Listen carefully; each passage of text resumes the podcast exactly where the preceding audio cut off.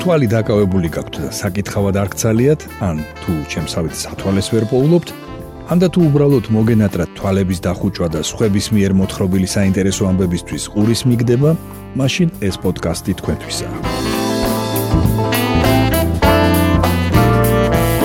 გამარჯობა. თქვენ უსმენთ რადიო თავისუფლების პოდკასტს მოლაპარაკე ტექსტებს. მოლაპარაკე ტექსტებს. მე ბიძინა რამიშვილი გახლავართ. აქ მოქმედი პირები არიან ტექსტები, რომლებსაც რადიო თავისუფლების ვებსაიტზე ვარჩევ თქვენთვის კვირაში ერთხელ და მათ მოსათხრობ ამბებად ვაქცევ ხოლმე.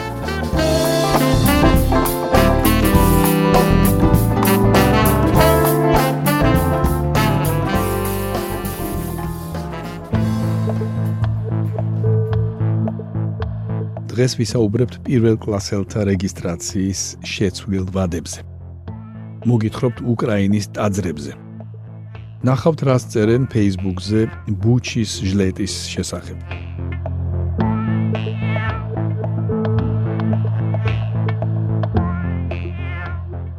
ახლა მოისმინეთ ეკა ქევანიშვილის სტატია პირველ კლასელთა რეგისტრაციის შეცვლილი ვადები. რა უნდა იცოდე თუ შენი შვილი სკოლაში შედის? საქართველოს სკოლებში პირველ კლასელთა რეგისტრაციის ვადები შეიცვალა. სიახლე არის ის, რომ 2022-23 სასწავლო წელს პირველ კლასში დამატებით ჩარიცხავენ ბავშვებს, რომლებიც 6 წლის გახდებიან 16 სექტემბრიდან 1 ოქტომბრამდე. წელს ასეთი 2500-მდე ბავშვი წავა პირველ კლასში.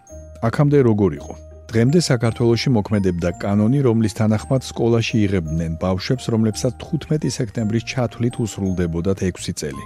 და ეს წესი ავტომატურად გამორიცხავდა იმ ბავშვების სკოლაში შეყვანას, რომლებიც სწავლის დაწყების თუნდაც მეორე დღეს ხდებოდნენ 6 წლისები. შესაბამისად, ერთ წელს კარგავდნენ. აუცილებელი დოკუმენტების წარსადგენად არსებობს სამი ვადა და სამი ეტაპი. ეტაპი პირველი 2022 წლის 20 აპრილიდან 28 აპრილის ჩათვლით პერიოდში სკოლებში დამატებით რეგისტრაციის შესაძლებლობა მიეცემათ სპეციალური საგანმანათლებლო საჭიროების მქონე ბავშვებს, რომლებიც რეგისტრაციის პირველი ეტაპისთვის თავდაპირველად განსაზღვრულ ვადებში სკოლებში ვერ დარეგისტრირდნენ. რა უნდა ქნან ასეთი ბავშვების მშობლებმა? მათ სასურველ საჯარო სკოლას განცხადებით უნდა მიმართონ. სკოლის ადმინისტრაცია ბავშვს განათლების მართვის საინფორმაციო სისტემაში დაარეგისტრირებს. შემდეგ მის განცხადებას მულტიდისციპლინარული გუნდი აფასებს და ადგენს, აქვს თუ არა ბავშვს ნამდვილად სპეციალური საგანმანათლებლო საჭიროება. სწორედ ამ დასკვნის მიხედვით ჩაირიცხება მოსწავლე კონკრეტულ სკოლაში. პირველ ეტაპზე დარეგისტრირებული ბავშვების მშობლები სკოლებში დოკუმენტების წარდგენას 2022 წლის 29 აპრილიდან 2022 წლის 6 მაისის ჩათვლით შეძლებენ.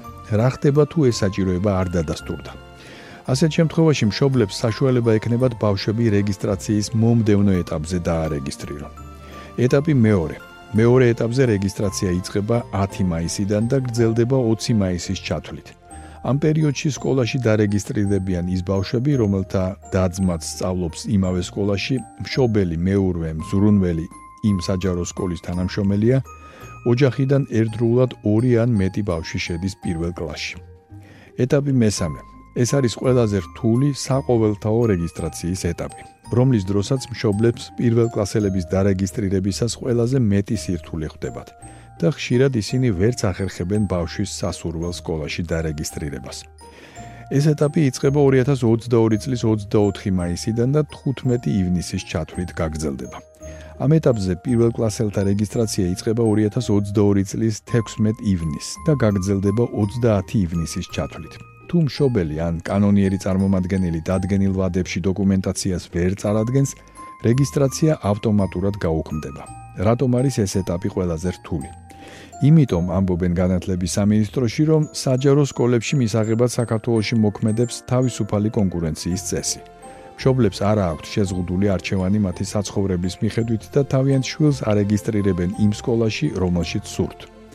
ეტაპი მეოთხე. ეს ეტაპი 2022 წლის 4 ივლისიდან 12 ივლისის ჩათვლით გრძელდება. ამ პერიოდში გამოთავისუფლებულ ვაკანტურ ან დარჩენილ თავისუფალ ადგილებზე შეიძლება დარეგისტრირება იმ მოსწავლეებს, რომლებიც ან ვერ დარეგისტრირდნენ პირველ სამ ეტაპზე, ან უბრალოდ რეგისტრაციის შეცვლა სურთ.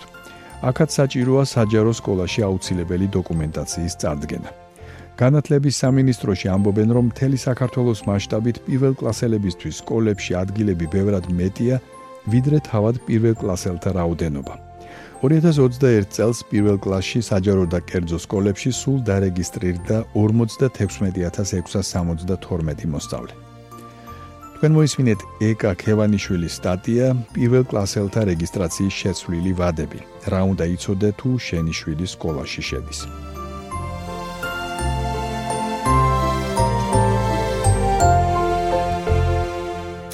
თქვენ უსმენთ პოდკასტს მოლაპარაკე ტექსტებს.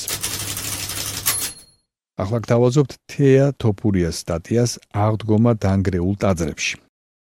აპრილის დასაწყისში უკრაინის კულტურისა და საინფორმაციო პოლიტიკის სამინისტრომ თქვა, რომ რუსეთის ჯარმა 135 კულტურული ძეგლი დააზიანა, მათ შორის 59 რელიგიური. ეს უკრაინის მართლმადიდებელი ეკლესიის ტაძრებია, მათ შორის მოსკოვის საპატრიარქოს დაქვემდებარებულებიც.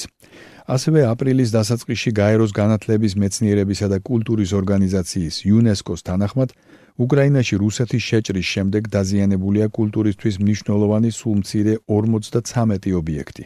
აქედან 29 ეკლესია. განსხვავებით ხარკოვისა და მარიუპოლისგან, რომლებიც ფაქტობრივად მიწასთან არის გასწორებული, ნაკლებად იბომბება კიევი. თუმცა ვინ გამორიცხავს, რომ ძიმე დაბომბვის გადატანა უკრაინის დედაქალაქს არ მოუწევს? ამ შემთხვევაში საფრთხის ქვეშ აღმოჩნდება კიევის ცენტრში მდებარე პეჩორის ლავრა. რომელიც არამხოლოდ უკრაინის, არამედ მთელი ქრისტიანული სამყაროს ერთ-ერთი უდიდესი სიწმინდეა.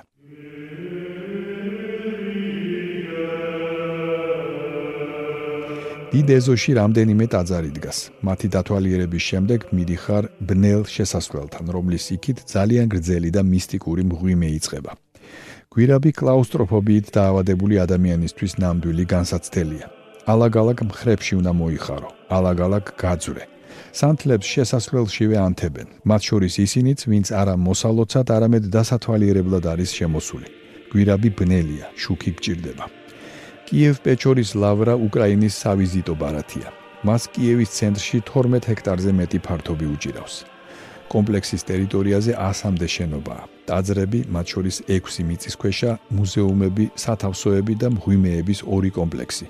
ახლო და შორი ქვაბულები. გარდა იმისა, რომ აქ მთელი მსოფლიოდან მიდიან მომლოცველები მშვიდობიან დროს, ლავრა ყოველდღე ასობით ტურისტსაც იღებს. კვირაობით კომპლექსის ტერიტორიაზე 10-მდე წირვა ტარდება. კიევ-პეჩორის ლავრის ოფიციალურ საიტზე წერია, რომ ლავრა უკრაინის მონასტრებიდან პირველი და უძველესია. ის ღვთისმშობლის მიძინების სახელზე აშენებული და ღვთისმშობლის სავანეთ, ღვთისმშობლის წილხვედრად ითვლება. მართლმადიდებლურ სამყაროში ასეთად მიიჩნევა 4 ადგილი: ათონის მთა, საქართველო, კიევ-პეჩორის ლავრა და დივეევოს მონასტერი რუსეთში. ლავრა მე-11 საუკუნეში დაფუძნდა. მისი დამაარსებლები ღირსი ანტონი და ღირსი თეოდოსი იყვნენ. ლავრის მთავარი ღირსშესანიშნაობა სწორედ მიწისქვეშა მღვიმეებია. მათ ბერები თავდაპირველად სენაკებად იყენებდნენ, შემდეგ კი ძვალშესალაგად. ანაფორებში შემოსილი ცხედრები ქვაბულებში მინის სარკოფაგის მიღმა ასვენია. დღეს იქ 120 ბერის ცხედარი ინახება. მათგან ბევრი ისეთია, რომლის სახელი ქრისტიანულ სამყაროში კარგად იციან, მაგალითად ღირსი ნესტორ მემატიანი ან ღირსი ილია მურომეცი. მიუხედავად იმისა, რომ მის საგმირო საქმეებს იგავებად ხვებიან, ილია მურომეცი რეალური ადამიანი იყო. მეომარი, რომელმაც ცხოვრება ბრძოლაში გაატარა და ბოლოს ბერად აღიკვეცა. მე-11 საუკუნიდან მოყოლებული კიევ-პეჩორის ლავრა ქრისტიანული სამყაროს ერთ-ერთი სულიერი ცენტრი გახდა. აქ ყოველთვის ასობით ბერი მოღვაწეობდა. ლავრა ერთხელ უკვე დაინგრა მეორე მსოფლიო ომის დროს, როდესაც ნაცისტურმა გერმანიამ კიევი დაიპყრო. მოგვიანებით ტაძრები აღადგინეს, თუმცა კომუნისტური რეჟიმის პერიოდში ლავრა მაინც დაიხურა. მაშინდელი დევნის პერიოდში კიევ-პეჩორის ბევრი სასულიერო პირი უკრაინიდან საქართველოში ჩამოვიდა და მოღვაწეობა აქ გააგრძელა. კიევ-პეჩორის ლავრა სრულად უკვე საბჭოთა კავშირის დაშლის შემდეგ ამოქმედდა. ეს გახდათ თეატოფურია სტატია აღდგომა დაנגრეულ ტაძრებში.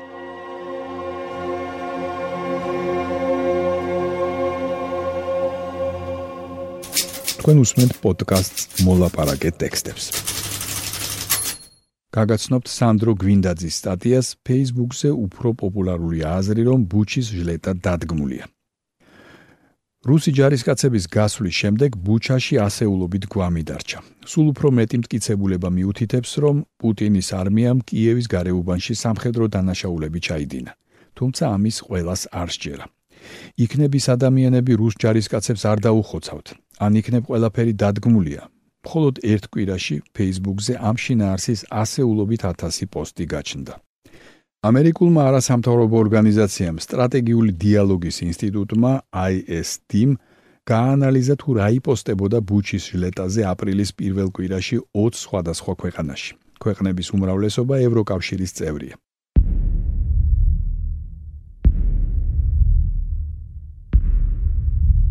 200 ყველაზე პოპულარული პოსტიდან 145 იზიარებდა ეჭვს, რომ რუსმა ჯარისკაცებმა სამხედრო დანაშაულები ჩაიდინეს. მხოლოდ 55 იყო წინააღმდეგი.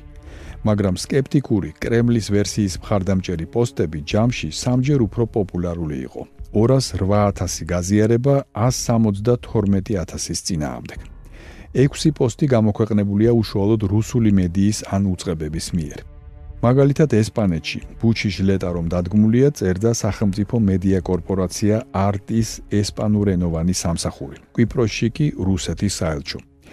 მათი ვერსიით ბუჩის ამბები პროვოკაცია რომლის ავტორებსაც ყველაფერი რუსულის განადგურება სურთ ავსტრიაში ყველაზე და გერმანიაში რიგით მესამე ყველაზე გაზიარებული პოსტი პრორუსულ გერმანულენოვან გამოცემა ანტიშპიგელს ეკუთვნის პოსტის ავტორი ყოველგვარი დასაბუთების გარეშე წერს, რომ შვიდობიანი მოსახლეობა უკრაინულმა ჯარმავე დახოცა. ეს შურისძიება იყო რუსული ჯარის მხარდაჭერის გამო, წერს ის. რა მოხდა ბუჩაში? რუსეთის ჯარი კიევის ჩრდილოეთით მდებარე პატარა ქალაქ ბუჩაში 27 თებერვალს შევიდა და იქ 30 მარტამდე იმყოფებოდა. უკრაინის ხელისუფლება იტყობინება, რომ ამ დროისთვის ნაპოვნია 400-ზე მეტი მშვიდობიანი მოქალაქის ცხედარი. ზოგიერთი ხელებშეკრულია, კეფაში კი ტყვია აქვს მოხვედრილი. აპრილის დასაწყისში ბუჩის მკვიდრმა რადიო თავისუფლებას უამბო, რომ ერთ-ერთ ქუჩაზე სნაიპერი მიზანმიმართულად კლავდა ყველას, ვინც იქ გაივლიდა. ბუჩელები უყვებიან უფლებადამცველ ორგანიზაცია Human Rights Watch, რომელიც იქ ჩადენილ სისასტიკეებს იძიებს, რომ რუსი ჯარისკაცები სისტემატურად კლავდნენ, აწამებდნენ და აუპატიურებდნენ მშვიდობიან მოსახლეობას. კრემლი უარყოფს რუსული ჯარის მიერ სამხედრო დანაშაულების ჩადენას და ბუჩაში მომხდარს უკრაინული მხარის პროვოკაციას უწოდებს. თუმცა 4 აპრილს გაზეთ New York Times-ის მიერ გამოქვეყნებული სატელიტური ფოტოები კრემლის ვერსიას ეწინააღმდეგება. ფოტოები მარტის შუა რიცხვებშია გადაღებული. მოქალაქეების ცხედრები უკვე ადგილზეა. ISD-ის წარმომადგენელი ფრანჩესკა ვიზერი ხედავს ორ საშიშ კანონზომიერებას. ომის გაშუქებაში ინფორმაციის ალტერნატიული წყაროები ისევ ჯაბნის მეინსტრიმულ მედიას. Facebook-ი კი ყველა მცდელობის მიუხედავად კვლავ ვერაჩერებს პროკრემლისტურ შეუმოწმებელ და ხშირად ყალბამბებს. მაგალითად, როცა საქმე კრემლის დაფინანსებულ მედიას ეხება, Facebook-ი უთითებს, რომ ამ მულს აქვეყნებს და ნაწილობრივ ან თლიანად რუსეთის ხელისუფლების სარედაქციო კონტროლის ქვეშაა. ანგარიში მოხდრილი პოსტებიდან ეს გაფრთხილება მხოლოდ ორს ერთვოდა. საპასუხოდ Facebook-ის წარმომადგენელმა გამოცემა Guardian-ს უთხრა, რომ ანგარიში მეტისმეტად ცოტა პოსტი მოხდა. შესაბამისად, ის სათანადოდ ვერ აჩვენებს თუ რა ძალისხმევას ხარჯავს კორპორაცია დეзинფორმაციასთან ბრძოლაზე. ყალბი ამბების შემოწმების ყველაზე მრავალფეროვანი სისტემა გვაქვს ყველა სხვა პლატფორმასთან შედარებით. ჩვენმა ფაქტ-ჩეკერმა პარტნიორებმა გააქარწყლეს არაერთი მცდარი ამბავი, რომელიც ბუჩაში ჩადენილ სიმხეცეებს უარყოფდა. განაცხადა მან. ეს პირველი შემთხვევა არაა, როდესაც Facebook-ს ადანაშაულებენ ყალბამბებთან დამარცხებაში. მაგალითად, პანდემიის პირველ 2 წელიწადში, ეგრეთ წოდებულ COVID დისიდენტებთან ბრძოლის მიუხედავად, სოციალურ ქსელში გადაუმოწმებელი რჩებოდა ათობით ათასი პოსტი. სხვა შეთქმულების თეორიებთან ერთად მათი ავტორები წერდნენ, რომ კორონავირუსი არ არსებობს, ან რომ ის 5G ანძებით ვრცელდება. თქვენ მოისმინეთ სანდრო გვინდაძის სტატია Facebook-ზე უფრო პოპულარული აზრი რომ ბუჩის ჟლეტა დადგმულია.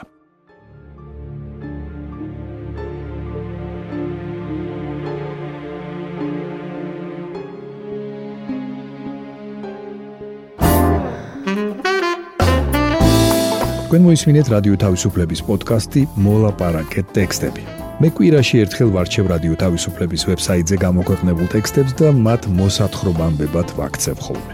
ჩვენი პოდკასტი შეგიძლიათ გამოიწეროთ, ჩამოტვირთოთ ან მოისმინოთ პირდაპირ რადიო თავისუფლების ვებსაიტზე. მისი მისამართია რადიო თავისუფლება.ge. თუ ჩემი მიერ მოთხრობილი ტექსტები სრული სახით დაგაინტერესებთ, მათი მოძებნა იულია. ვებსაიტზე, პოდკასტის გვერდზე იპოვით ყოველ ცალკეულ პროგრამაში მოთხრობილი ტექსტების ბმულებს. მე ბიძინა რამიშვილი ვარ. მომავალ შეხვედრამდე.